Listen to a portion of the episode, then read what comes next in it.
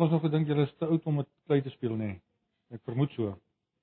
OK, wat ek wil hê julle moet doen met die klei, maar ons gaan nou nie ons gaan nou nie soveel tyd spandeer as wat ek normaalweg hou om dit mee te doen nie. Ek weet almal van ons is nou nie kunstenaars nie. Maar wat julle wat julle moet maak met die ding, maar jy moet nou mooi hoor wat ek vra. Ek sê net die woord kerk. Dis al. Dis al dis al leidraad wat ek jou gee. Ek sê die woord. En nou moet jy met daai stukkie klei, hoe goed of hoe swak van 'n kunstenaar jy ook al is, kyk of jy met daai stukkie klei die ding kan maak wat in jou kop opkom as ek die woord kerk sê. Jy verstaan hè? Maar wat ek nou gaan doen is ek kan nou nie ek kan nie by julle kom so wat ek normaalweg kan doen as mense by tafel sit nie. So ek wil vra kan ons nie sommer net so begin en al wat jy maak is as jy braaf genoeg is wys wat dit is. As jy skaam genoeg is, moenie wys nie sê net vir ons. Wat is die beeld wat jy wat jy probeer maak het wat jy van die kerk het? Ek wil net 'n bietjie hoor wat se soort van perspektiewe oor die kerk hier tussen ons is. OK, gaan ons gaan ons so begin. sê Wat? Ja. Ek kan nie tot daar sien dit. Ja. Kerk is die gemeente, maar jy het wat gemaak? Mannetjie, okay? Nee, dit lyk soos 'n mannetjie, hoor, is net ek wat swak sien. Dis 'n goeie kunswerk. Nie 'n probleem met die mannetjie nie, dis mannetjie. Kerk is die gemeente. Kerk is die gemeente. Die eklesia is mense. Right. Spot on. Nog mannetjies? Nee, maar julle is Ja, nee, nee, okay. Daar's nog nog mannetjies. Nou sê vir my bietjie die wat nie mannetjies is nie, wat se goed het julle gemaak? Wat is dit? Ja.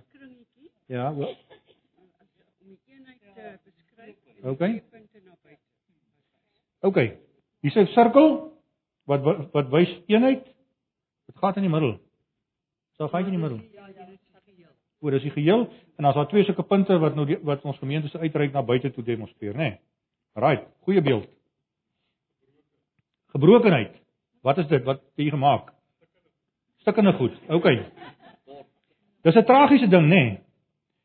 Kyk, ek het al hierdie klei goed het ek almal baie gesien. En ek onthou, ek vertel baie keer vir mense, ek was een keer by 'n gemeente daar, ek dink is Hartswater. En so het die ouens met die klei gespeel, maar hulle is toe nou klaar. Ek het nou klaar gevra wat hulle het. En voor my sit iemand en hy die in die volgende oomblik hoor ek hy sê so half binnensmond sê dis dit, dis dit. En ek kyk en ek sien hy het 'n klomp balletjies wat hy so gerol het. Wat hy so neergesit en ek sê wat is dit? Hy sê dis die kerk. Dis die kerk in sy gebrokenheid. En toe dink ek, "Wag, is dit nie tragies dat dit eintlik ons beeld is as gelowiges wat deel is van die kerk? Hoe lyk dit nie van buitekant af nie?" Dan wonder mense oor daai gebed van Jesus in Johannes 17. En nog ander perspektiewe? Niks ander vreemde verskynsels nie. Kruis gemaak. Interessant. Is daar nog kruise gewees? So daar is dan nog so paar, want die kruis is nogal een van die wat mense mos nog gereeld teekom. Mense is baie baie lief om 'n om 'n kruis te maak. Iemand het 'n gebou gemaak met 'n toring of 'n ding orrel. Ek sê verlede week sê vir daai ouens in Botswana tog maar hulle hulle sukkel ook nog seker met my humor. Dis baie mense. Maar ek sê vir hulle, okay, kom ons praat gou 'n bietjie oor die kerk. Hier is mos die kerk hierdie. Sê ehm um, kyk hier's 'n dak. Oor die ding is ongemaklike banke om in te sit. Dit moet alles deel van hoe die kerk moet wees. Dis nie ek het lekker sit daar nie. So dis dit. En hier sit julle. So dis dis mense in die plek is is die is die kerk. Hulle kom ons nou môre Sondag kom julle mos in die plek toe. Dis die kerk. Nou ek sien ek hulle kyk my so nou weet hulle nie of ek hulle in 'n trap inlei nie want dis nie heeltemal hoe hulle ook gedink het hoe dit moet wees nie. En ek sê vir hulle, weet julle wat meer is, hierdie kerk kan nog beter kerk word want want in die wêreld is daar kerk as jy hierdie dak nog 'n entjie kan lig. Nou die plek is so daai was nou al daar so staalskuur. As jy die plek se dak sien nou maar nog 'n bietjie kan lig, dan raak dit nog beter kerk. En as jy 'n toring, sê vir Dominee T sê jy moet vir julle 'n toring hier op sit dan dan en as jy miskien iewers 'n orgel kan kry dan het julle regtig dan's julle kerk. Maar voor tog hulle kyk my so, hulle het nie weet wat die moet nie. Maar net iewers nou iets klas, klas heeltemal kwyt geraak. OK, so die kerk. Baie verskillende perspektiewe wat ons van die kerk het. En ehm um, en en wat interessant mos nou is julle ons nou agtergekom. Dit wat julle gemaak het is nie verkeerd nie. Maar dis verskillende perspektiewe en eienskappe en noem dit nou maar karaktereienskappe van die kerk wat wat ons mee saamleef wat ons bekend is die kruis byvoorbeeld die mense ehm um, selfs die die die beeld of die eenheid buite uitreik, niemand is hoër as iemand anders nie, die kerk wat 'n spreekwys is in die wêreld na buitekant, alles perspektiewe van wat Bybels gefundeer is, dis hoe die kerk is. OK, wat ek nou gaan doen is en dit kan nou vir ons ure en ure besig hou, maar maar dit kan natuurlik mos nou nie so werk nie. So onthou julle nou, ons het nou tot nou toe is ons mos nou met die met die volgende orgaan sê nou maar besig van 'n gemeente wat regtig na buitekant 'n verskil maak.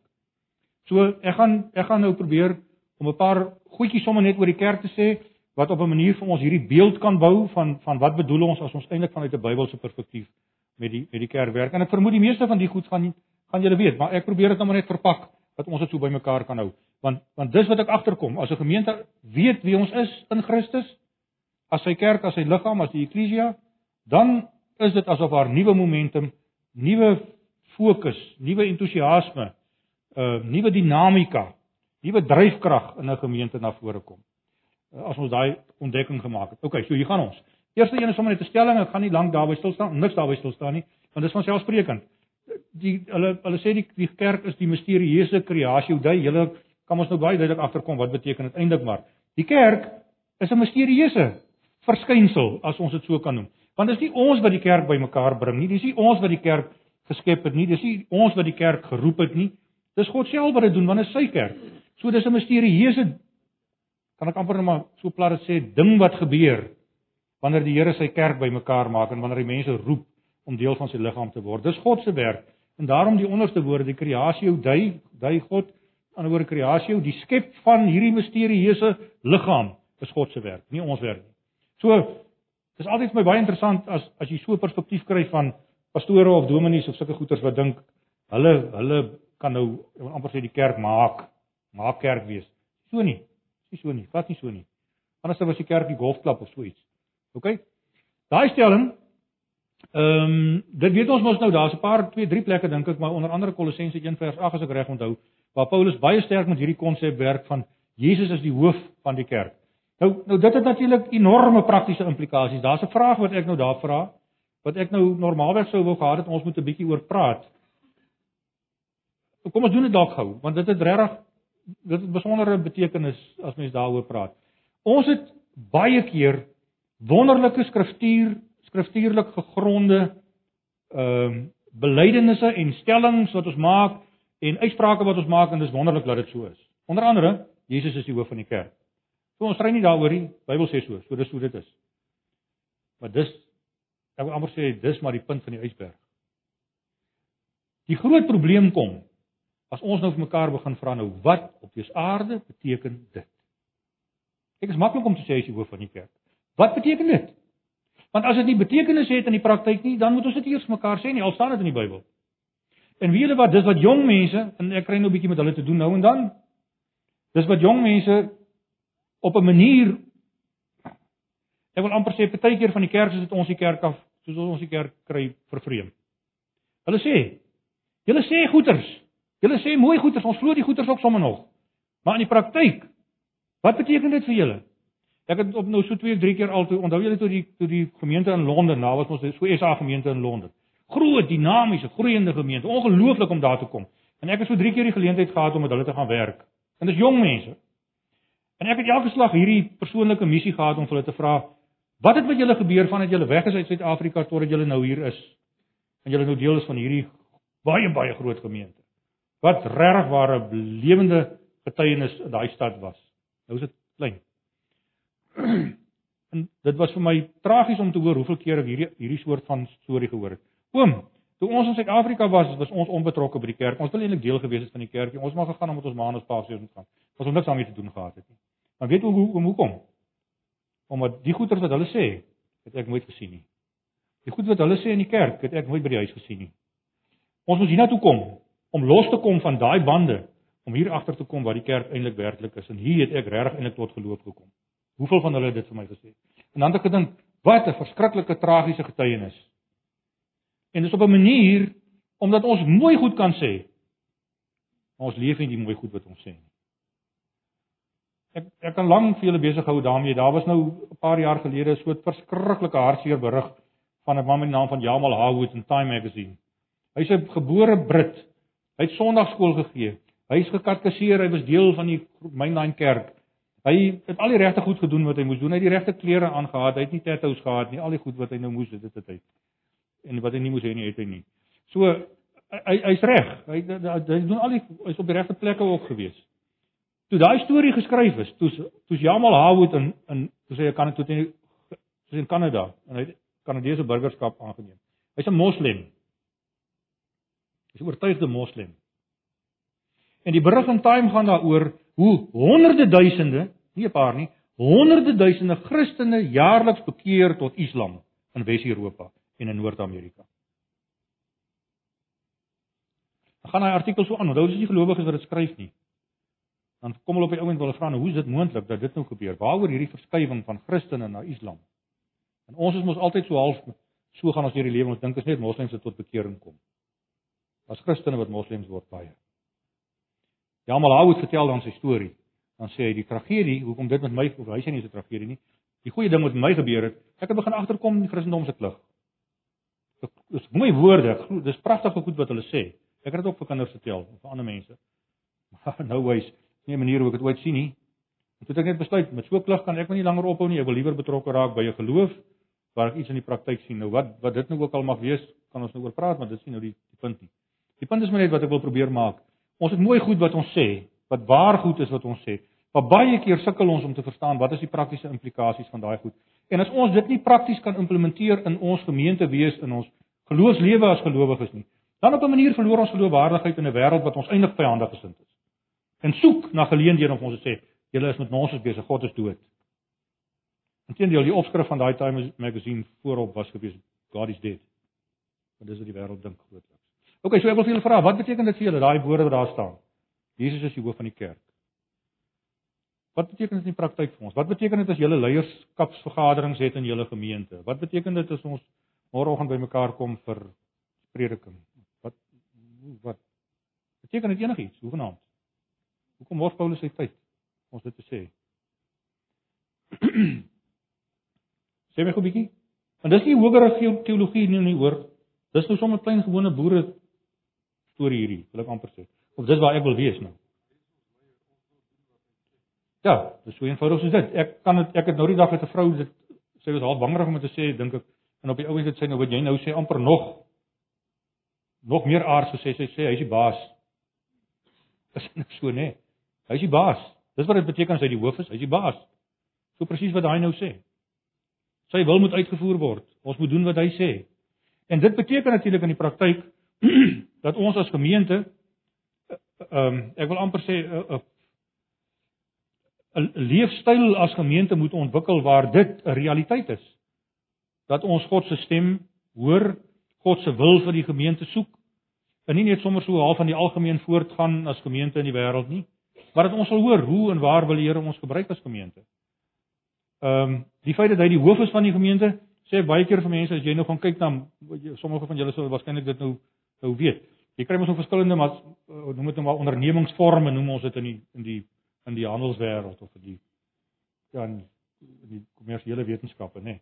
Jy kry nou 'n eenman saak en jy kry 'n vennootskap en jy kry 'n privaat maatskappy en jy kry openbare maatskappy en jy kry BKA's deesdae of by ons gekry al die jare en sulke soort van goeder. Soos allerlei sulke forme van 'n van 'n en dan het ek altyd gesê omdat ek dink mense verstaan dit lekker. Die kerk is nie 'n vennootskap nie. Ons is nie in vennootskap met God nie in die kerk nie. Dis ook nie 'n maatskappy nie waarin ons sekere aandele gekry het omdat ons een of ander oulike ding gedoen het iewers langs die pad nie. En hy is die sleeping partner. Dis hoe die kerk is. Is dit so nie? Die kerk is by uitstek 'n een eenman saak in terme van sy eienaarskap. Né? Ons is deel daarvan, ons is die liggaam van Christus. Dis alles waar. Ek ontken nie dit nie. Dis nie wat ek sê nie. Maar al wat ek praat oor die hoofskap. Die eienaar is Christus self. Hy is die enigste een wat eienaarskap kan hê want hy het die kerk gekoop.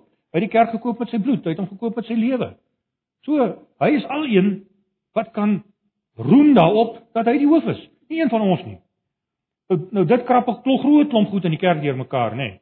Want nou kry jy veral in verskillende splintergroepe en in kultusse en so aan. Daar raak dit nou heeltemal 'n as ek dit nou so kan druk, 'n haywire besigheid. Want almal wil nog steeds Genesis 3. Dis so, nê? As ons dit nie kan wys nie, dan wys ons nog steeds Genesis 3. Ons sal. Toe maar Here is alright. Ons gebruik jou naam om te sê dis 'n kerk, maar moenie worry nie, ons sal regkom, dankie. Soos ek doen 'n ek doen 'n navorsingsstuk vir die vir die ring in Kimberley so 'n paar jaar gelede oor hoe moet die bediening van die kerk in Kimberley, die NG Kerk in Kimberley lyk oor die volgende 20 jaar. So okay, nou probeer ek agterkom wat wat gebeur buite in in in die, in die konteks daar buite. Nou praat ek met jong mense. Maar kry sommer jong mense onder andere teen die sin van die dominees kry bymekaar uit verskillende denominasies. Daar's AGS ouens, daar's ouens in die Baptiste Kerk daar, die Engels Afrikaanse Baptiste Kerk. Wat allerlei ouens is daar. Metodiste almal, ek het hulle daai jong mense. Nou praat ek met hulle oor die kerk. Hoe dink julle oor die kerk? Hoe lyk hoe, hoe dink julle oor die kerk vorentoe in die jare wat kom? Interessant. Ek kom hier aan by die huis ek sê vir my vrou, toe ek met daai gesprek met hulle gehad het. Dit was die slegste van my lewe. Dit was die lekkerste van my lewe. Want op 'n manier is hulle so rou en eerlik. Hulle sê oom, as julle wil hê, as julle ring wil hê, ons moet julle help om die NG Kerk aan die lewe te hou. Forget it. Stel nie belang nie. Stel glad nie belang. As julle wil hê, ons moet mense daar buitekant wys wat beteken dit om Jesus te volg. Ons is deel daarvan asseblief. Jong mense dink anders oor kerk as wat ons gedink het. Daar's 'n regtig 'n rou eerlikheid en 'n soeke daarna om kerk die wêreld te wees. En ons het baie keer as ou mense soos ek loop met 'n klomp bagasie. Dis hoekom ek daai vir my vrou sê was sleg. Want hulle het my bagasie getackle daai dag. En ek het ontbloot gevoel by tye. OK, maar so as ons dit van mekaar sê, dan sê ons Jesus is die een wat die besluite in hierdie gemeente neem. En ons kry dit van hom af. Ons voer sy opdragte uit. Ons doen niks as ons nie weet wat is dit wat op wat sy wil vir die gemeente is nie. Want dit is sy gemeente. So dis dis ons roeping, dis ons opdrag om dit te doen. So dit het regtig praktiese praktiese implikasies. Ek sê baie keer as jy 'n kerkraad of 'n leierskapvergadering gehad het, miskien aan die einde daarvan, dan daag ek ouens uit en miskien doen ek dit nou met julle ook. As jy reg aan die einde daarvan kom en alles is nou klaar, nou gaan almal huis toe. Gebruik net 5 minute en vra vir mekaar. Die besluite wat ons nou vanaand geneem het, kan ons nou gesamentlik sonder twyfel met oortuiging en met oorgawe vir die res van die gemeente en vir almal wat ons te doen kry sê hierdie besluite is besig om te vertoon as ek dit sou kan uitdruk dat Christus die hoof van die gemeente is of nie as ons dit nie kan sê nie dan wil ek amper sê moet ons los dan verloor die kerk in 'n sekere sin sy getuienis Vra daai vraag is interessant. Spandeer net so 'n bietjie tyd daaroor as mense vergadering hou. Hierdie besluite is dit besig om dit wat daar staan sigbaar te maak. OK, kom ons gaan aan. So dis 'n belangrike stelling dink ek van die gestuurde gemeente. Daar sien julle iets van daai skrifgedeelte in Efesiërs, dis mos maar die boek wat oor die kerk oorsaaklik gaan wat Paulus geskryf het en waarna hy gepraat het nou van hierdie verborgde plan. En uiteindelik kom hy daar by die die rol van die gemeente en ons kan agterkom as hy daaroor praat, hy praat nou wel van van van eh, van magte en kragte en allerlei sulke so hy praat amper in 'n kosmiese verband daaroor, maar die die gemeente se se verantwoordelikheid is bekendmakings verantwoordelikheid. So ons moet ons moet vir die wêreld kan sê Openbaring 21 kom. Die koninkryk kom en ons moet hulle dit kan wys. OK. So die gemeente is gestuur is, ek gaan nou nie daarby stil staan nie, ons het daaroor al 'n bietjie gepraat. Miskien net daai vragie, as ek nou as ek nou dit dit vir julle kan by hom net stop net gou daar. Ehm um, as ons nou dink aan God wat stuur, nê, nee, dis God se karakter sê ons, hy dis wie God is. Hy's 'n sturende God. Wat sou ons raai is die as ek dit nou sou kan uitdruk, die basiese motief wanneer God stuur. Wat is God se motief as God stuur? Hm? Dis maklik. Julle weet dit, ek het geen twyfel julle weet dit. Dalk hm?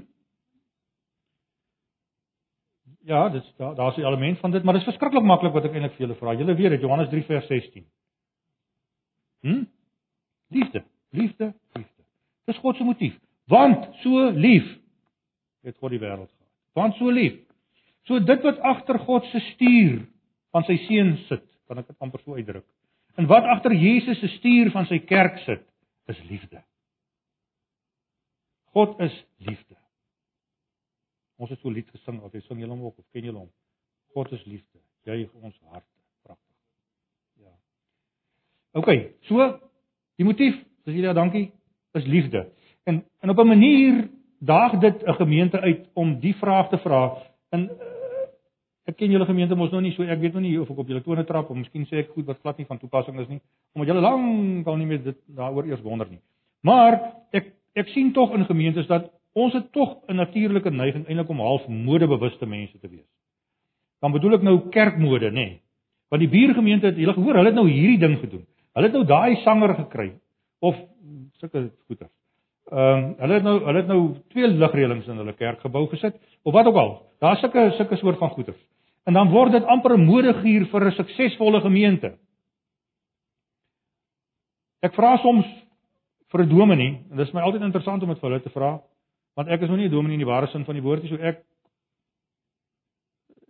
op 'n manier is ek in daai sin 'n bietjie vreesloos dalk en ek maak myself onpopulêr op seker maar. Maar om vir hulle te sê, sê nou maar, sê nou maar. Sê nou maar ek sê vir jou, ek vat jou na die mees nou goddelik vir die woorde wat ek gebruik, na die mees suksesvolle gemeente in die wêreld toe. Daar is nie nog 'n gemeente soos die gemeente. Ek vat jou na daai gemeente toe. Want ek wil graag hê jy moet sien hoe dit daar is, sodat jy kan terugkom en iets hier by jou gemeente kom doen waar dit so hopeloos gaan. OK? Right. So gaan saam met my. En dan vra ek hom. Nou is ons aan die ry of vlieg of whatever ons ook al doen, of swem of loop of hardloop. Ons op pad na daai gemeente toe. Wat is jy te wagte? Pad soontoe. Wat dink jy gaan ons daar kry? OK. Om dan te vra, wat verwag jy? Wat gaan jy dink, wat gaan ons daar kry? Maar wat vra ek eintlik vir mense? Gee vir my jou definisie van hoe lyk 'n suksesvolle gemeente? En dan is dit verskriklik interessant op watter vlak is ons besig om te dink aan die aan die kerk. Want sukses dink ek as ons na die Bybelse modelle daarvan gaan kyk of die Bybelse perspektiewe van kerk gaan kyk liewer moet ek sê, dan dan is dit baie keer nie die spulgoed wat ons na kyk nie. Baie keer dink ons dis groot getalle mense. Dis sogenaamde herlewings. Dis ouens wat dit en ouens wat dat en hierdie goed gebeur en hulle baie geld en hulle kry nie warm as dit of koud as dit as moet koud kry nie en so aan. Dis hulle sit lekker, dis nie ongemaklik om belang in die kerk sit want dit is beter daar as by die huis. So, al daai goeters. Dis wat 'n kerk nou band, man, band. Dis min of meer die hart van die saak. Ek het niks teen dit nie. Hoe genaamd ek is nie besig spot ook nie om iets eintlik reg as dit sê. Ek probeer eintlik maar net sê, daar's 'n ander stel noem dit nou maar suksestekens van kerk wees. Wat beteken dit lê die sukses lê in gehoorsaamheid aan die hoof van die kerk. Dis so eenvoudig, dis wat dit lê. En dan beteken dit dit gaan nie daaroor of dit 'n gemeente met 1000 of 800 of 300 of hoeveel, dis nie dit nie. Dis verseker nie dit nie. Ons is baie keer so gekontamineer deur die sogenaamde goed by die wêreld van ons sê wat sukses definieer. En dis nie dit nie. Ek het ek het 'n ervaring gehad op 'n kol wat vir my half uit hierdie ding uitgeskok het. Ek is by 'n by 'n 'n baie liberale ou nou goed dis dis nou 'n bietjie vir my moeilik geweest maar as 'n liberale Nuwe Testamentikus by Oxford Universiteit en ek is met my navorsing besig en ek, ek besluit ek moet hierdie ou ook sien. Hoe gaan sien ek hom? En ons stap in daai gange af daar by Queen's College of iewers was dit. Mug besigheid daar af af tot in die kelderverdieping waar sy kantoor is wat honderde jare oud is. Jy ryk die ouderdom daar. Hy lyk ook so, die prof. Daar sit ons toe in daai kantoor lyk of vir al daai jare was hy eintlik maar daar. So daar sit ons en nou begin so 'n bietjie praat oor die kerk, maar so ek sê hy's baie liberaal. Toe sê hy 'n ding wat wat my challenge, wat my uitdaag. Hy sê, "Wie wat? Hy sê julle ouens in die evangeliese kant van die kerk, het gewoonlik mos nou hierdie geneiging om te sê as daar 'n herlewing is, is die Here aan die werk." Ja, wel, seker. As die kerk vol is, is die Here aan die werk. As daar baie mense by 'n ding is, dan is die Here aan die werk. Hy sê nou sê jy nou vir my, kan die Here werk deur leë kerkbanke? Nou wat dink julle? Hy's die Here. Hy kan werk op watter manier hy ook al wil. Hoe sê hy vir my?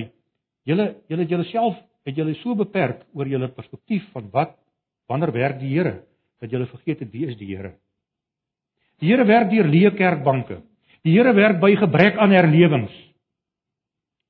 Die Here werk omdat daar deur die feit dat daar nie finansies is nie. Al die soort van goed wat ons sien as die teenpool om vir ons te sê maar nou is die Here glad nie meer hier nie en hy werk nie meer hier nie. Dink ek moet ons so nou en dan ons kop 'n bietjie skoon kry en net weer vir mekaar sê wie bely ons is hy. Natuurlik werk hy deur volk vol gemeentes en gemeentes waar daar dinamika en so is. Maar net so kan hy werk deur gemeentes. Soos wat daai man toe vir my sê, wat dink jy gebeur in Engeland? Die kerk loop leeg, daar gaan niks aan nie. Hoekom? Want die die leiers in die gemeente was bekommerd oor hulle pensioene en oor hulle geboue wat eeue oud is. En toe daar nie meer genoeg geld kom om daai twee kostes te kan dek nie, toe skrik hulle wakker en hulle vra vra oor die kerk. Lekker nie, nê? OK. As die motief sulke goed begin raak. Hoe kan ons die kerk dit? Hoe kan ons dit? Hoe kan ons dieselfde wees as daai gemeente? Dan dink ek dat ons 'n bietjie die bietjie die stoel misgesit. Die basiese aanleidende motief tot dit wat ons doen as kerk van die Here in die wêreld is gegrond op die liefde van Christus. En dis hoekom hy gestuur is en dis hoekom hy ons stuur. Ons moet sy liefde in die wêreld gaan sigbaar, voelbaar, proebaar, tasbaar maak. Hoorbaar maak. OK. Ek gaan op dwaalspore partykeer. Dit is maar hoe ek is ongelukkig. So ek is mos nou met die gestuurdheid besig, nê. Nee. Nou ons kry mos nou ek gaan nou glad nie dit hieroor gaan en ek beloof nou gaan nie hier by stil staan nie. Maar ons ken mos nou hierdie beelde wat Jesus ook gebruik, nê, nee, van byvoorbeeld sout. En dan gebruik hy mos nou 'n voorbeeld van lig. Jy sien lig vir die wêreld en so aan. Nee. So hy gebruik sulke perspektiewe en sulke analogieë of metafore of wat jy dit ook al wil noem, waarmee hy eintlik besig is om die gestuurdheid van die kerk wat transformasie bring, ehm um, vir ons te demonstreer. Ek het nog nie die lig ding uh, daar gesit nie, maar sien ek kan net gou daar stop. Ek het toe ek 'n student was, het ek so 'n bietjie van atletiek deelgeneem en op 'n skool het ons hier in Pretoria by Pilditch daai tyd, ek weet nie of jy nog eers bestaan nie, het ons 'n deel rimpel gehad. Daai rimpel is mos by die univers in interuniversiteit atletiek byeenkoms. So ek het hier kom hol. Maar ek ken nie ek ken nie ek ken nie hierdie plek hier. Ek was in die weermag hier, maar dit was sleg genoeg so ek wil niks van Pretoria weet op nie. Ek was hier vir daai basies en ek was hier net 'n terug Karoo toe waar ek hoort. OK, so dis hoe dit dis hoe dit vir my gewerk het. Hier's ek in die in die universiteit en ek moet hier kom hol. Heeltemal teen my sin. Nou ry ons met 'n karretjie daar van Stellenbosch af hiernatoe. So ou oupeltjie vier van ons dink ek in die dingetjie. So kom ons aangery, ons is nou hier, ons het klaar gehardloop en ons ding gedoen, nou gaan ons terug. Nou moet ek ry. Onthou nou, ek ken nie die wêreld, ek ken nie eers die Vrystaat nie. My wêreld is die Karoo en dis ook die begrensing van God se geskape wêreld is daai stuk so. Die res buitekant dit is die duiwel. OK, nie regtig hoor. Maar so ons ry toe so terug. Ek begin my beurt om te ry hier van hier vanaf is nou so laat in die middag. Weet nie hoekom dit my getref het nou ry ek. Die ander drie manne moet nou slaap want hulle kry later ry beurte. Nou gaan ons hier op N1 af wat ek ook mos nog nie ken nie. Ry rigting van ek weet nie wat die volgende stad is wat ek gaan kry nie. Min weet en dis Bloemfontein. Maar in elk geval so ry ek nou. Begin skemer raak, dit raak donker, die ander ouens slaap, ek ry. Op 'n kol kyk ek so en ek sien, "Jessie, maar hier's dan iets snaaks op die horison aan die aan die gang." Net so gloed wat net so lê. Nie pad, lê net so. Hoe nader ek ry, hoe meer sien ek met die ding raak groter en groter en meer onheilspellend en meer onheilspellend en ek weet al hoe minder wat is dit. Nou ek later aan so half bevrees vir die saak dat ek dog miskien moet ek maar hierdie ander drie manne dalk het ek hulle krag en hulp nodig. Ek moet hulle nou wakker maak en sê wat dink julle is daai? Want ons speel reg op die saak af. Dokter wag, kom julle nog slaap kans. Wat dink julle wat is dit? Dis Bloemfontein. Bloemfontein. Jy kan nie op die N1 in die nag ry aan Bloemfontein mis nie. Dis hy slaap. As jy wakker is en jy kyk, dan sal jy hom sien. Nou van toe af is dit vir my die beeld in my kop. Toe Jesus daai storie vertel van so 'n stad op 'n berg. Nou ek weet nou wil julle sê bergie. Maar dis so naas moontlik in Vrystaat wat jy daaraan kan kom. So Bloemfontein in die nag kan jy nie mis nie, dieselfde met die kerk. Dit moenie moontlik wees vir die wêreld wil ek amper sê by wyse van spreuke om by ons verby te ry op hulle lewensreis en ons te mis nie. Ons mis te kyk nie ons lig mis te kyk nie. Want jy kan net nie met Bloemfontein regkry nie en dis die dis die 'n sekere sin die metafoor wat gebruik word. So die gestuurdheid van die kerk beteken eintlik dat die wêreld ons nie kan mis nie. En dis wat gebeur het met daai storie reg aan die begin wat ek vir julle vertel het. Wat uh van daai twee sendelinge wat gesê het, maar wil julle ons nie help asseblief nie. OK. So, daar's sulke beelde. Sommige net 'n interessante beeld van die kerk, jy kan wel maar die hele ding sommer net daar wys. Ons verloor mos nou soms, ek weet nie of dit met julle ook gebeur nie. Maar soms as jy so na die kerk kyk, vir my wat nou heeldag met die kerk doenig is, is dit is dit vreeslik maklik om half partykeer 'n bietjie moed te verloor en sê, "O, oh, joh, hoe die Here dit uitstaan met my en met die res van ons, dit verstaan ek nie lekker nie." Ek verstaan in elk geval dit regtig nooit nie, maar en dan dan sê so half of jy moedeloos is met die kerk. Maar een van die karaktereienskappe van die kerk is dat die kerk is altyd besig om te word dit wat dit in geloof reeds is always becoming. Altyd besig om te groei in ons geloof. Want die oomblik as ons ons geloof bely, of dit nou is met die Apostles Creed, wat ook al, nê. Nee, hoe ons nou ook al ons geloof verwoord. As ons dit doen en ons sê ek glo, dan is jy eintlik per definisie besig om 'n uitspraak te maak van iets wat nog nie is nie. So ek glo aan 'n heilige algemene Christelike kerk beteken ek glo in iets wat nog nie in sy volheid hier is nie. Maar die kerk is besig om dit te word. So ons almal lewe mos nog steeds in hierdie gebrokenheid. Maar die lig breek breek deur in die kerk. Soms dan sien mense mos goed en jy beleef goeders wat vir jou sê, "Wow, kyk wat gebeur." Waarmee is die Here besig in sy kerk en mense wat gehoorsaam is en wat lewe onder sy heerskappy. OK, maar kyk nou net na daai boonste stellingkie wat daar staan, wat ek nou daar gesê het, die kerk is 'n lewende sakrament voor die wêreld en dit gaan verder is dit. Die kerk is 'n lewende sakrament in die wêreld voor die wêreld. Jy gaan nie die woord sakrament in die Bybel kry nie. Dis nie daar nie, maar ons weet mos nou wat beteken sakrament. Dis eintlik maar as jy dit regtig sommer net vertaal, dan beteken dit eintlik maar net 'n teken, nê? Nee, dis net 'n teken, 'n sakrament. So dink 'n bietjie daaraan. Ons gebruik nou nagmaal en ons doop en so aan. En al al daai sakramente is mos nou tekens, tekens van van een of ander geloofswaarheid. So wat nou hier besig is om te gebeur as ons waag om daai uitspraak te maak, dan sê ons by die kerk is eintlik 'n lewende teken in die wêreld. Want mense wat na die kerk kyk, moet iets sien van dit wat aan die kom is. Hulle moet dit in ons lewens kan sien en in ons optrede kan sien. Terug by wat ek net oor by was toe gepraat het van 'n alternatiewe gemeenskap, nê. Nee. OK, kom ons gaan 'n bietjie aan. Wat staan daar? Wat er van? Ook nou hier kan ons nou lank stil staan, maar ek gaan nou nie ek gaan nou nie dit kan waag om dit nou te doen nie. Ek kyk nou net na die volgende skyfie. Ehm um, in die boekie wat ek oor die goeters geskryf het, het ek het ek 'n bietjie aandag gegee aan hierdie ding van spiritualiteite. En ek dink soms in gemeentes is ons 'n bietjie hardhorend en ons hoor dit nie en ons wil dit ook nie lekker sien nie. Maar dit is so dat mense is nie dieselfde nie. As as ek nou die toetsie met julle doen wat ek nou daar in die boek beskryf, wat vat nie my maaksel is nie, dit kom van 'n van 'n ou daar in die Kaap wat wat sy doktorsgraad hier oor hierdie ding gedoen het van spiritualiteit in die kerk. As jy nou daai ding begin kyk, dan sal ek nou vir julle waarborg hier waar ons nou hier sit, is daar vier soorte spiritualiteite. Vier groepe spiritualiteite word hier verteenwoordig. En dit lyk so. Party van ons neig, as ek nou 'n bietjie nader kan stap daar. As jy na die bokant toe kyk, dan is daar van ons wat neig om meer rasioneel te wees in ons geloofservaring, nê. Nee. Met ander woorde, ons is baie baie sterk daarop gefokus dat dit moet wat ek hoor en wat ek glo moet ek moet ek dit, dit moet rasioneel wees. Dit moenie 'n ding wees so half gebak wees nie. So sulke mense normaalweg plaas baie baie baie sterk klem op die skrif en die waarheid van die skrif. Daar's ander mense wat glad nie daar op daai vlak is nie en dis nie of hulle hulle kies dit en sê o ek wil nie daar ek wil hier. Dit is nie so nie, dis hoe jy is. En dis emosioneel, hulle is hier aan die onderkant. So iewers op daai wil ek amper sê kontinuum wat na bo en na onder gaan. Daar kry jy mense wat verskil van mekaar. Party is meer rasioneel van nature as ander mense.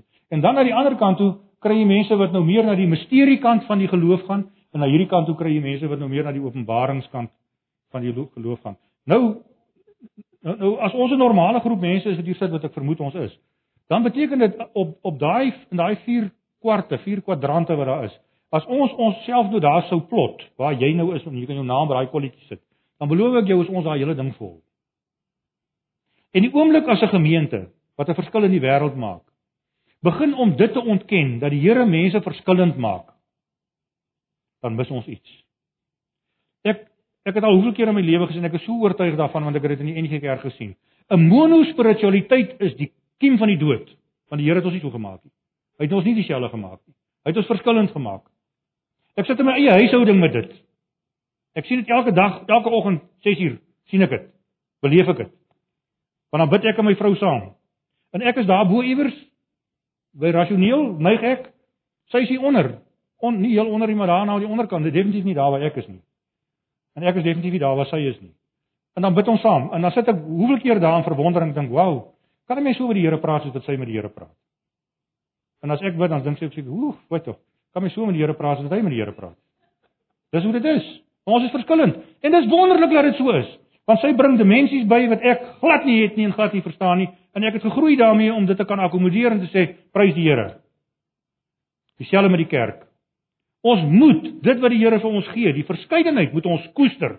Nou kry jy net twee soorte gemeentes. Jy kry 'n gemeente wat dit beveg en sê nou is, ons soekie dit nie. As jy as jy nie as jy nie wil rasioneel wees nie, kry jy 'n ander plek. Gaan na die AGS toe. Dit het die NG Kerk altyd gedoen. Hierso is ons geleerd. Hierso of hulle dink so. Hier leer hier weet ons wat aangaan, ons dink. Dan gaan jy dus soontoe. Weet julle wat gebeur? Hierdie ou wat die ding ont, ontwikkel het wat ek nou daar in die boekie bietjie beskryf. Brada Ludik, sy naam. Brada Ludik kom doen op Kimberley kom doen hy met die Noord-Kaapse dominees 'n ding. Die Noord-Kaap is bekend as julle dit sal waarskynlik nog nie weet nie vir ouens wat verskriklik staan op hulle gereformeerde belydenis. Vreeslik, vreeslik, vreeslik. En in die proses mis hulle 'n groot klomp goed natuurlik ook in die proses, maar dit maak nie saak nie, dink ek. Dis hoe dit nou is. Hy kom, hy kom doen dit, kom doen hierdie aanbieding met hulle, volledige aanbieding en hy doen 'n toets met hulle. Waar verwag jy die klomp dominees in die Noord-Kaap? Want ons almal vreeslik happy daar, dis waar hulle wil wees. Jy verwag hulle op daai geel blok daar bo regs. Nê? Nee, na rasioneel en na openbaringskant toe. Dis waar daai mense lê. Ouens wat sterk akademies oor hulle geloof dink, lê daar. Hoeveel van hulle dink julle lê daar? Baie minder as die helfte. Ja, ek weet nie wat die persentasie was nie, maar dit was verbasend min. Hulle kon dit nie glo nie. Gedog as 'n fout. Toe lê 'n klomp van hulle op ander plekke. Wat 'n tragedie. Dat jy die hele tyd feit dat jy iets is wat jy nie is nie omdat jy wie dit ook al van jou vra. Maar die Here maak ons verskillend. Nou okay, wat beteken dit in die praktyk? Kom ons gaan aan, dan wys ek julle wat ek bedoel daarmee. In sommige gewone lekker boeretaal het hulle daai vier kwadrante gevat en hulle daai name voor vir dit te gee. Met ander woorde, hulle sê daar's doeners, dis daar bo links, is oues wat rasioneel is. Maar hulle lê na die misterie kant toe, dis die doeners, dan kry jy die denkers wat hier bo regs is, hier onder kry jy die dansers, dis ouens wat dit verskriklik geniet en in die band en so en dan hier onder kry jy dromers, dis daai ouens wat op spykerbeddens lê. En ehm um, en dan word hulle uitgedra deur hulle kinders soggens in die son en saans weer terug. Dis daai manne hier onder links in die hoek. Right. So en hulle is almal in die kerk. Of ons wat daarvan hou of nie. Ons kan beklei en vir die Here sê, "Nee, Here, nie daai mense wil nie tog nie by ons hê nie." Kry stuur hulle na 'n ander gemeente toe. Dis 'n tragedie as dit so is. Die wonder daarvan, hulle is hier. En die uitdaging as leierskap in 'n gemeente as ons regtig 'n verskil na buite wil maak, is om is om daai mense te akkommodeer en hulle om te help om te groei in hulle geloof. Ek het op 'n stadium as ek in in uh, hier's 'n klomp ouens hier in Pretoria wat saam was en ons is in Oekraïne in die Krim wat nou nie meer lekker die Krim is nie. Ons is daar. En hier's hier's een van die ouens wat hiervan af kom wat geskool is in die ding en hy is besig om om 'n uh, gesprek met die klomp russe te hê oor inner healing. Ken julle die ding? Inner healing. OK? En ek is nou nie heeltemal afwysend daaroor nie, daar seker goeie dele ook daarvan. Maar ek luister na die teologie die aand ek sit daar so op 'n stoel agter in die saal wat aan die KGB behoort het. En hy staan hier voor, hierdie vriend van my, nou nog 'n baie goeie vriend van my en hy is besig om vir die ouens te vertel van inner healing. En my vrou sit langs my. En sover as dit aangaan, kan ek nie help nie ek sê kort kort vir haar, dis nie in die Bybel nie. Dis nie in die Bybel nie. Waar kry hulle dit? Dis nie in die Bybel nie. En toe ons klaar is die aand, verstaan ek ek is toe nou ongelukkig is ek nou so ek staan daar buitekant op die stoep. Ek wil ek wil later niks meer te doen hê met die besigheid. Want ek kan my nie vir eenself gaan nie. Hulle kom roep my later, hulle sê vir my, "Wie kom saam bid?" Hier so 'n ou hier binnekant. Hy ehm um, was in Afghanistan.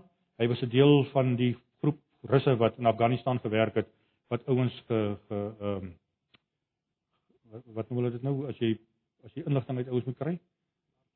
Ja, dis van klein dis dit presies wat dit is. Hy hy was deel van die die martelspan om inligting uit uit die Afghanese te kry. En hierdie ou het tot geloof gekom op 'n stadium, maar hy kan dit glad nie hanteer nie. Hy kan dit glad nie hanteer wat hy in die verlede gedoen het nie. Hy kan nie glo die Here kan hom vergewe nie. Hy sit daar in 'n huis as 'n kind, groot reuse man, 'n eksoldaat, hy sit na huis as 'n kind kom bid vir hom. Ek sê nee, gebid julle vir hom, ek gaan nie kom bid. Ek want ek weet dit dis 'n deurmekaar spel hierdie vir my. Dit ry nie met my teologie nie. Dis nie wie ek is nie. Ek is daar. Daar bo regs rond iewers. En soos ek onvergenoegd en eintlik 'n pyn vir hulle almal, waarskynlik. Nie waarskynlik ek is.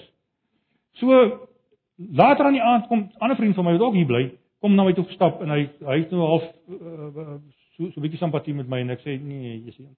Ek is jammer, maar ek kan nie, ek kan nie want ek kry nie die goeders wat ek hoor kry ek nie persoon met hoe ek die Bybel verstaan nie. En hy hy sê toe, hy gebruik ons sommer so op gewone Engelse woorde. Hy sê vir my, "Wie wat ek dink in die koninkryk van die Here werk die Here ook met horses for courses." Ken julle dit? Daai uitdrukking. Daar sommige resiesperde wat op sekere bane goed presteer, maar op ander bane kan hy nie. Die Here roep verskillende mense met verskillende spiritualiteite om met verskillende soorte mense te werk. Hy sê jy die Here het jou geroep om op 'n sekere manier met sekere mense te werk. Maar wat hier gebeur is nou nie jy nie, maar hierdie ouens wat nou hier binnekant besig is is die regte mense. Daai aand toe ek by die huis kom toe toe ek hartseer toe heilig. Want weet jy wat gebeur? Daai groot, woeste, wrede rus. Vertel nou van hoe hy mense gemartel het, nê? Nee. Hy sê daar's van die goed wat hy nie kan sê nie. Hy kan dit nie met sy mond sê wat hy gedoen het nie. Hy kan dit nie uitspreek nie. Dis te verskriklik. So gaan hulle aan, maar hulle kom agter om dat die ou wil nie, hy hy kan net nie deur hierdie ding kom wat hom so beperk dat hy kan bevry voel en dat hy kan aanvaar die Here maak hom los en vry van dit alles nie. En toe op 'n stadium toe kom hulle agter maar dis nie die probleem nie. Dis 'n klein deeltjie van die probleem. Sy probleem is hy het sy pa geslaan. Hy het sy pa pak gegee dat hy sy pa amper doodgeslaan het. En toe sy pa dood en hy kon nooit vir sy pa sê hy is jammer. Hy kan nie daarby verby nie. Hy kan net nie daarby verby nie, want hy kan dit nie herstel nie. Hy kan nie teruggaan nie, hy kan nie gaan sê ek is jammer, hy kan niks doen nie. Hoe help jy daai man om die Here se genade te aanvaar? Hy moet, hy moet. Ek kon nie. Ek kon nie want ek ek is nie daar nie. Maar die ouens wat anderster dink as ek en anderster is as ek, was die regte mense daai aand om daai man te help en om hom te help om by 'n punt te kom te sê dankie Here. So monospiritualiteit. Almal dink dieselfde, doen dieselfde, spaar ons van dit. Kom ons gaan aan. Dan wys ek net gou vir julle wat ek in die praktyk daarmee bedoel. Met ander woorde dit dit kom eintlik daarop neer. Dis soos 'n groot simfonieorkes wat aan die speel is, God se mense die kerk. En in daai in daai simfonieorkes is daar strykinstrumente, daar's blaasinstrumente, daar's houtblaasinstrumente en daar's nie hout en daar's perkussie en daar's aardige goeters. En as jy na een groot simfonie luister en jy sou die perkussie instrument uithaal, dan op die ou end is dit net nie daai simfonie nie. Of watter een van die ander instrumente. As jy hulle uithaal is, is dit net nie dieselfde nie. En dis dis eintlik voel dit vir my hoe die Here se kerk in die wêreld funksioneer.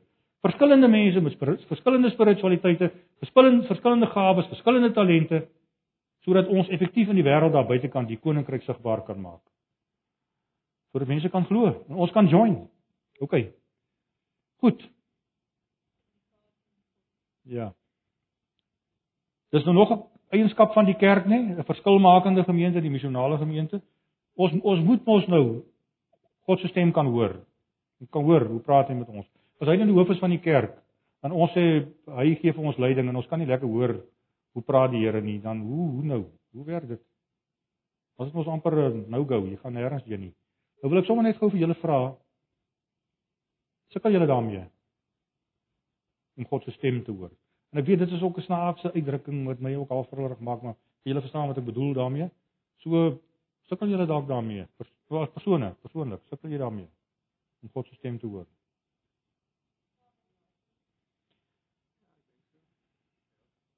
OK. Ek ek is bly hier's 'n paar van julle wat so sê, dan voel ek aan jou te alleen nie. Want ek sukkel daarmee. Sukkel baie daarmee. Sukkel elke dag omtrent daarmee. Sukkel elke week verseker daarmee. So kom ons praat gou 'n bietjie daaroor. Gaan aan. Ja. Ons gaan nou die hele tyd gaan ons praat oor gebed. Gaan nie daarby lank stil staan nie, maar gebed uit die aard van die saak is mos 'n deel van ek wil amper sê die genadegawe wat die Here ons gee om met hom te mag kommunikeer en na hom te mag luister, want gebed is mos nie net om te praat nie, gebed is ook om stil te bly. En ek sien maar hoe sukkel ons as gelowiges baie keer om daai dimensie van gebed te verstaan. Gebed beteken ek praat en ek praat en ek praat my as af en ek moet mooi praat en ek moet mooi woorde gebruik en die Here beïndruk ook daarmee en ek moet so hier en daar moet ek sekere woorde moet ek bietjie sleep soos 'n S. Dit is baie indrukwekkend as jy dit doen, oefen dit. Jy kan jou S'e net so klein bietjie langer maak en vir alles mense na jou luister, klink dit baie goed. Doen dit so. Veral as jy nou kom by by jou uh jou vokale ook, as jy jou vokale bietjie kan rek, help dit baie. So dis mos nou dis so praat jy mos met die Here, nê? Nee, so, dan hoor hy ook lekkerder, jy verstaan beter. OK, dis hoe ons dis hoe ons baie keer dink. Maar maar dis mos nie wat gebed is nie. Gebed is mos om jouself voor die Here te ontbloot, wil ek amper sê, met hom te praat soos wat jy praat en om om van kwaad te wees as jy dan hom so voel. Hy weet dit nie eintlik hy's so sê dit vir hom, Here, verstaan nie dit wat nou besig om te gebeur nie. Dis mos gebed. Dis openlik, ek praat met my pa. En hy praat met my. Maar dan beteken dit ek moet kan stil bly en ek moet kan luister. Ek het op 'n kol was ek in Korea daar in Seoul. Daai daai fotootjie wat julle daar sien, so lyk dit op 'n Woensdag aand by 'n gebedsbyeenkoms. Ons gaan daai gebedsbyeenkoms op 'n Woensdag aand nou nou nou weer, moet nou nie dink dis gaan nie oor indrukwekkend omdat daar baie mense is nie. Dis 'n gemeente daai wat toe ons daar kom in 1995, toe die gemeente 15 jaar oud. Toe daai gemeente oorspronklik begin het. Toe het daai gemeente bestaan uit uit 30 lidmate. Toe toe ons daai aand daar was, toe bestaan die gemeente uit 10000 lidmate en 14000 lidmate woon Sondag se erediens by. Daai daai gebedsbijeenkoms op 'n Woensdag aand is so tussen 6 en 8000 mense. Toe na die tyd toe gaan drink ons nou tee saam met van hulle predikante. Dis 'n Presbyteriaanse kerk, die Mayosoong Presbyteriaanse kerk, grootste Presbyteriaanse kerk in die wêreld. Vra vir die predikante, "Hoekom wat het die wat doen die Here hier? Wat doen die Here hier? Hoekom lyk dit soos wat dit hier lyk?" Dis oor. Dis eenvoudig dink ons maar. Daar's net twee goed wat ons eintlik in die gemeente doen. Dis ons dis hoe ons werk. Die een is ons ons glo ons verstaan God se plan vir die gemeente waar ons inpas. So ons doen dit. Die tweede ding wat ons doen, ons praat met die Here, ons bid. So toe ons daai aanklaar is, nee, en ons stap om te gaan tee drink. Dis daar so 'n klein hokkietjie soos aantrek hokkies, so 'n cubicles. En daai mense wat daar uitkom gaan in daai hokkies, is honderde van hulle, gaan in daai hokkies so in in in in in. Binnekant is niks nie. Dis net 'n deur wat so eentjie van die vloer is, 'n mat, deur wat so eentjie van die vloer af sy oop onder en dan so is hy toe bo en daar binnekant is niks nie. Vra ons vir wat maak daai mense nou daar binnekant? Hulle bid. Sê ons kom maar nou uit te bid hier uit. Wat wat wil hulle nou nog bid? Klaar gebid. Nee nee nee, hulle gaan bid. Nou vra of tot wanneer bid hulle? Nee, tot môreoggend hulle werk toe gaan. Sê ons vir hulle, maar julle is bekend as 'n vreeslike produktiewe nasie. Julle werk hard en julle doen baie dinge. Hoe op dese aarde kry julle dit reg om eintlik in die wêreld bekend te wees as die biddende kerk? Sy oë is maklik om slaap minder. Slaap minder dat ons meer met die Here kan praat. Nou wil ek net sê, besop, besop, maar julle weet dit ook waarskynlik. Besop vir wetties wees oor die goed waarvan ons nou praat. Daar's nie resepte en patrone en hoe meer ek hoe meer gaan ek die Here beïndruk en sy arm gedraai kry. Julle weet dit mos nou. So hoor maar net wat ek sê en en en moenie hoor ek praat van wettiese goed nie. Dis nie wat ek sê nie. Dis mense wat glo dat hulle in gehoorsaamheid dit wil doen. Dis hoe hulle met die Here kommunikeer. Dis hulle verhouding met hom. OK. Ehm um, ek het sommer net daai opgesit hierso sulke boekietjies daar wat wat ons geskep het op 'n stadium wat mense 'n klein bietjie help met jou gebedsfokus, soos 'n gebedsjoernaaltjie, OK? Gaan daar verby. OK, hoor die Here se stem te ken. Jy sien ek sit die oor daar in die middel en wat ek maar net daarmee wil probeer sê is hoe hoe meer ons reg kry in die gemeente om die verskeidenheid te kan akkommodeer. Hoe ryker word ons gebedsbelewenis. Hoe ryker word ons hoorbelewenis van die Here. Want ek sukkel op my eie. So ek het ander gelowiges nodig saam met my om saam te hoor, saam te luister, saam tot oortuiging te kom. En baie keer wil ons dit nie doen nie want ons Ons het so 'n monospiritualiteit. Skus tog. Nou wil ek gou vir julle net 'n dingetjie vra. Ek gaan 'n ek gaan 'n game met julle speel, storie.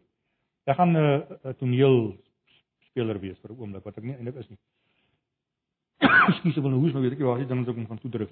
Ek hoes ek aan julle ore. maar dis ook alraai. OK. Ek wil gou onderskeid maak tussen God se universele wil en God se besondere of God se spesifieke wil. Want en kom ek sê nou of julle wat bedoel ek daarmee? God se se universele wil is in 'n sin baie maklik om om te verstaan.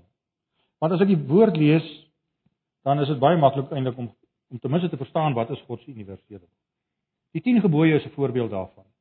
Mag jy doodslaan nie. Dis nie net vir sommige mense bedoel nie, dis God se universele wil vir alle mense. Dankie Sida.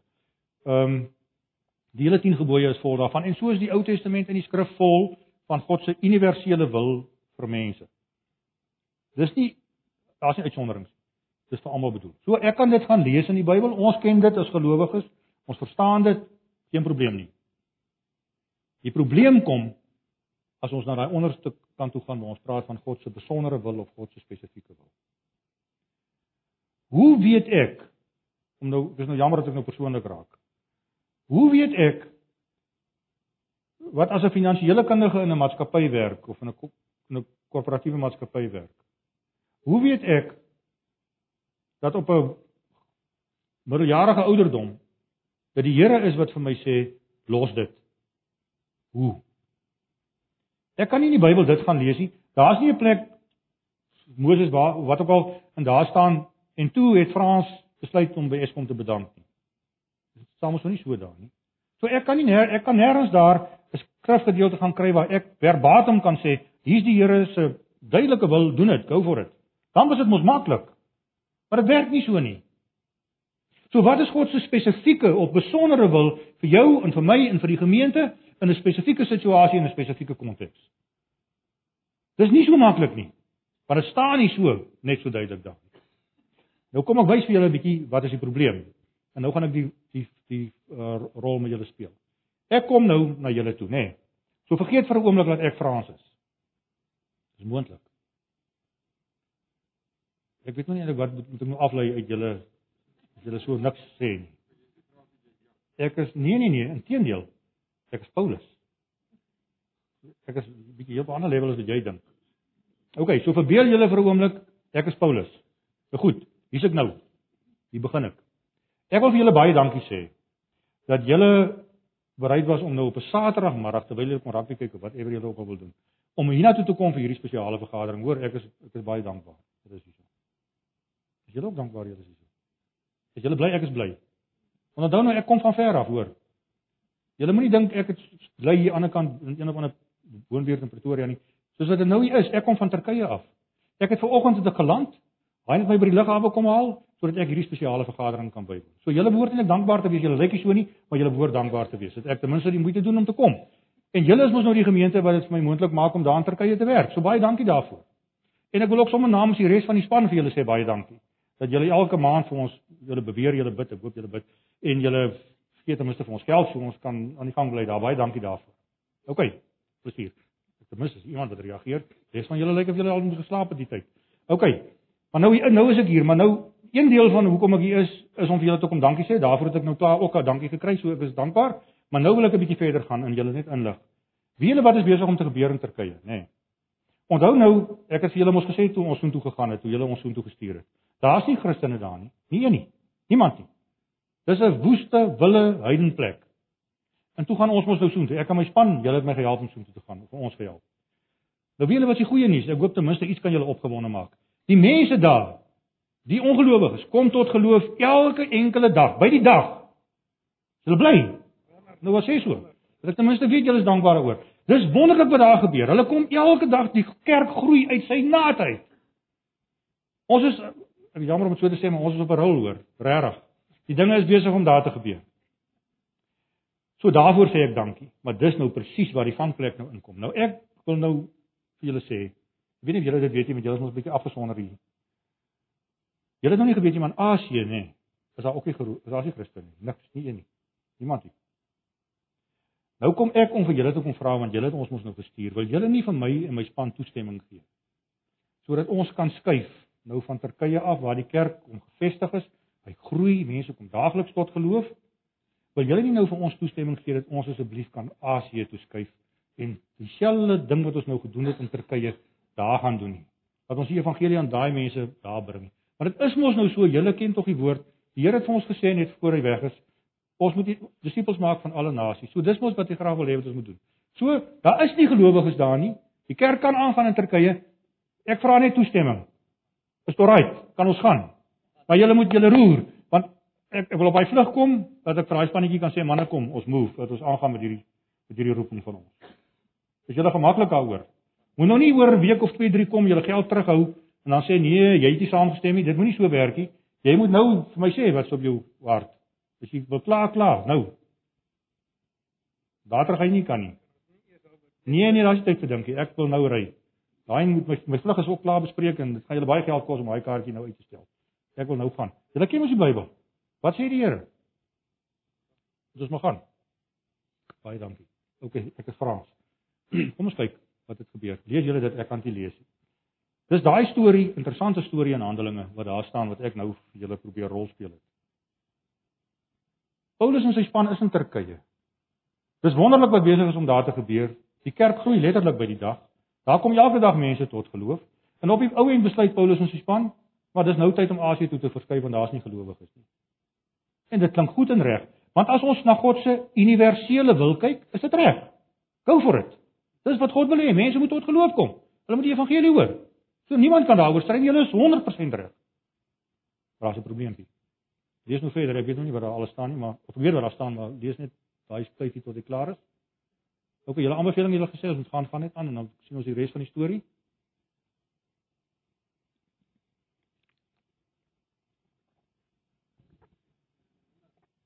Hoe op die aarde bestaan dit? Die Heilige Gees verhinder hulle om 'n ding te doen wat deel is van God se algemene wil. En as jy miskien dink dit is 'n swak vertaling, dan moet jy verder lees en gebeur dit nog 'n keer. Die gees van Jesus dink ek staan in daai vertaling, ek is nie seker nie. OK. Wat beteken dit? Dit beteken in die praktyk soos 'n predikant vriend van my sê, soms is 'n gemeente besig met 'n good plan. But it's not a God plan. Ons kan met goeie planne besig wees as gemeentes. Wat reg is, deel is van God se groot universele wil, is nie verkeerd nie. Maar dis nie wat die Here met Paulus en sy span daar wou doen nie. Wat was op God se agenda vir hulle? Europa. Natuurlik beteken dit nie dat die Here nie wil hê die mense in Asië die woord moet hoor nie, maar dis nie die punt nie. Daai span se volgende opdrag was Europa. As jy verder gaan lees in Handelinge. Dis een van die duidelikste illustrasies daarvan dat daar 'n onderskeid is tussen God se universele algemene wil wat relatief maklik is om te verstaan, maar dat as jy net daarby sou bly, kan jy dit mis iewers langs die pad, want God het 'n spesifieke wil vir jou lewe en vir my lewe, want hy het jou uniek en besonder gemaak. Hierdie gemeente is 'n unieke gemeente in 'n besondere konteks wat op 'n besondere manier funksioneer met 'n eie identiteit wat jy moet ontdek as jy dit nog nie gedoen het nie. Maar dis hoe dit is. So hierdie gemeente kan nie net staat maak op God se universele algemene wil nie. Dis fantasties. Ons wil binne dit bly, natuurlik. Maar wat wil die Here met ons doen nou in 2014? Dis die vraag. Dis die moeilike deel van die saak. En daar's vir ons 'n duidelike voorbeeld daarvan dat dit dis nie noodwendig dieselfde nie. Dis nie noodwendig dieselfde nie. Want as dieselfde was, hoekom het jy nie hier gestaan waar ek nou staan nie? Of jy's mos nou buite die Here se wil dan as jy nie hier staan waar ek. Hoekom doen jy nie dieselfde goed wat ek doen nie? Omdat dit nie die manier is hoe die Here jou gebruik nie. Die Here wil jou waarskynlik en hy doen dit op ander maniere gebruik waar ek weer glad nie toegang het of, of iets meer kan doen nie. So, ons moet dit ontdek en ons moet ons voluit daarin uitleef omdat dit is wat die Here met my wil doen. OK. So, dis 'n dis 'n moeilike storie. Ek het nou daai prentjie daar geteken, so dat ek net gou weer terug aan daai dingetjie so rond sneek daar. Sê nou maar net, jy stel vir jou, nou dis baie simplisties, hoor. Stel vir jou voor dis God se wil daai, daai perserige kol daar in die middel dan wil ek amper op 'n manier dit nou so voorstel. Die gemeente, daar kom hy nou. Hoop ek hy kom. Daar's die gemeente, maak allerlei triks nê. Nee. Waar posisioneer die gemeente homself? Dis baie baie baie keer so. En mense is natuurlik ons lewende gebroke wêreld. Ons kan ook nie op die ou end regtig by 'n punt kom waar ons sê, "O nee, ek het geen geen twyfel hieroor nie." Miskien kom ons by so 'n punt. Maar dis dit vat soms maar tyd om daar te kom. Soms hoor mense dit redelik vinnig. Hoe ook al, dis die Here doen so wat hy wil. Maar die punt is met daar's gemeentes wat nou nie besig is om om om boosaardighede kwyt te raak en te verkondig of te wat ook al nie. Maar dis gemeentes wat op 'n manier dink ek nog nooit by daai punt gekom het waar hulle regtig soekend en toegewyd wil hoor, Here, wat wil U met hierdie gemeente doen in sy unieke konteks? Wat is dit wat U met ons wil doen? En die oomblik as ons dit nie doen nie, dan kan dit net wees by daai prentjie, dan dat die gemeente net so klein bietjie af is van van dit wat eintlik moet gebeur. Ek onthou toe my toe my seun universiteit toe gaan jare gelede. Toe besluit hy gaan Stellenbosch toe en hy gaan in dieselfde kursus waar ek was en hy gaan regte swat. Dogter wel wel is okay, maar gaan dit nou gaan doen. Maar net so voor net so voor die jaar se einde van sy matriek toe sê ek vir hom, kom ons gaan gou Bloemfontein toe. En dan gaan hoor ons net daar en ek het gehoor van 'n ou daar wat ouens baie wonderlik help. Hy is nou in julle omgewing. Dan gaan praat ons met hom. Hy's 'n goeie, hy's 'n toegewyde Christen en 'n baie baie kundige uh konsultant. Ons gaan vra 'n bietjie vir hom. Wat dink hy? Van die prokureur besigheid wat jy nou wil word, advokaat of wat ook al. So ons ry te Bloemfontein toe en ek sal dit nooit nooit nooit vergeet hoe hy dit geïllustreer het nie. Hy het 'n wit blaaibord gehad, gehad, so, die groot bord so en hy het 'n hy het 'n blaaibord pen so in sy hand gehad, die ou. Toe nou klaar na sy toetse gekyk het, na my seun se toetse. Toe toe toe toe vat hy so daai pen en hy druk so in die middel van daai stuk papier druk hy so klein swart kolletjie toets net so. En hy sê vir hom: "Wie wat Wagner, jy kan maar Stellenbosch toe gaan. Gaan gaan swat, gaan swat regte. Alraai." Hy sê maar wie was Wagner? Nou moet jy onthou, dat hy kom sê nou maar daar's die kolletjie nê, daar in die middel van my hand. Hy sê daar's Wagner as jy dit gaan doen. Jy kan gaan medies wat as jy wil, jy sal deurkom en jy sal goed doen, jy sal 'n goeie dokter waarskynlik wees. Maar dis Wagner dan. As Wagner Wagner wil wees, dan moet jy argitek word. Hoe doen hy dit? Sal daai prentjie nooit of daai ervaring nooit vergeet nie want op 'n manier in 'n baie eenvoudige klein manier is dit vir my iets van die kerk. Dis alright. Jy kan daar wees, die gemeente kan enige plek daar wees. Ons is binne God se universele wil.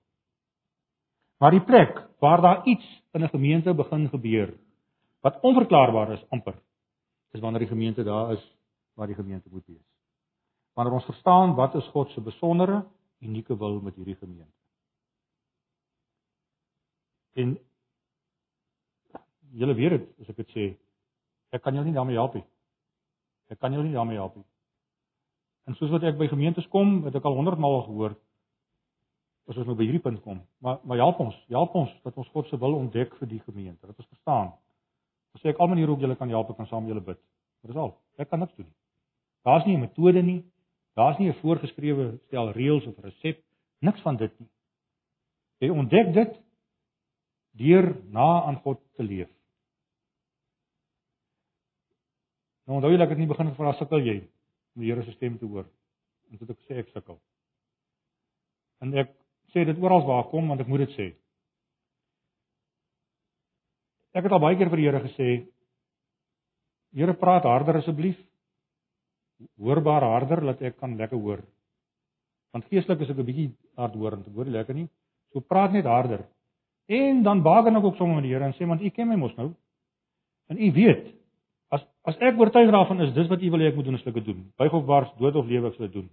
Maar dan wil ek seker weet, dis wat ek moet doen. So, al wat u hoef te doen is praat net harder, duideliker, dis dis dit. Dan doen ek dit.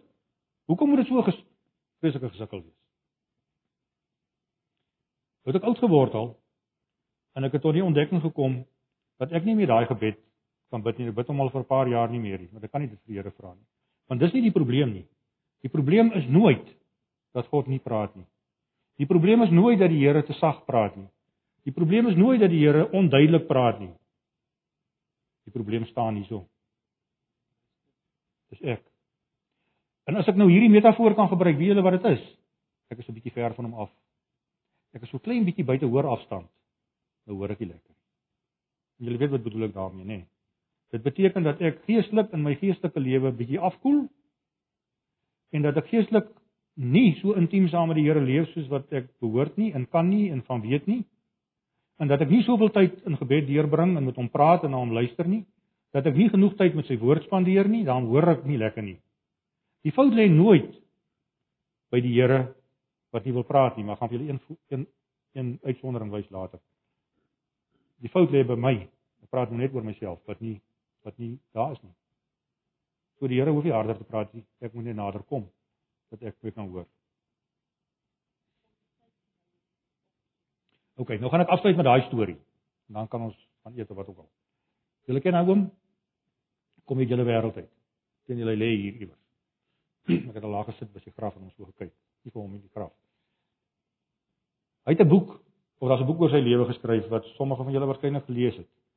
Dis 'n historiese roman wat goed nagevors is en histories is die feite daaraan so na as wat kan kom. Boek is geskryf deur Anna M Lou, boek se naam is Die Groot Gryse. Ken van julle die boek? 'n Ongelooflike boek. Wonderlike boek oor hierdie man se lewensverhaal.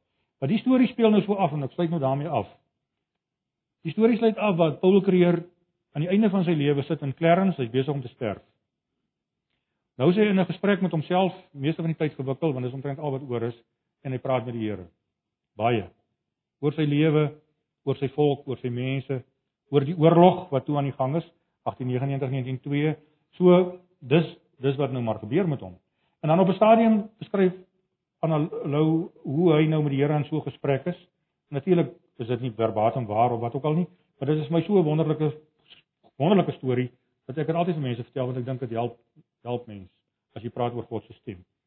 Hy praat met die Here en hy sê Here, hoekom is dit so verskriklik moeilik om jou stem te hoor? Hoekom sukkel ek so om jou stem te hoor? Hy sê my hele lewe lank het ek so gesukkel. Ek het nie dit geweet nie, ek het nie dat geweet of dit die regte ding is nie. Ek weet nie eers of dit die regte ding is dat my volk nou in daai oorlog betrokke is nie. Ek weet nie wat as jy wil nie. Hoekom is dit so verskriklik moeilik? Hy sê, weet die Here, dit voel vir my soms asof jou wil in 'n rots toegesluit is. Toegesluit in 'n rots, ek kan nie by hom uitkom nie, ek kan dit nie ontdek nie, ek weet nie. Hoekom is dit so? Dan kry jy so die indruk hy bly so stil die ou man.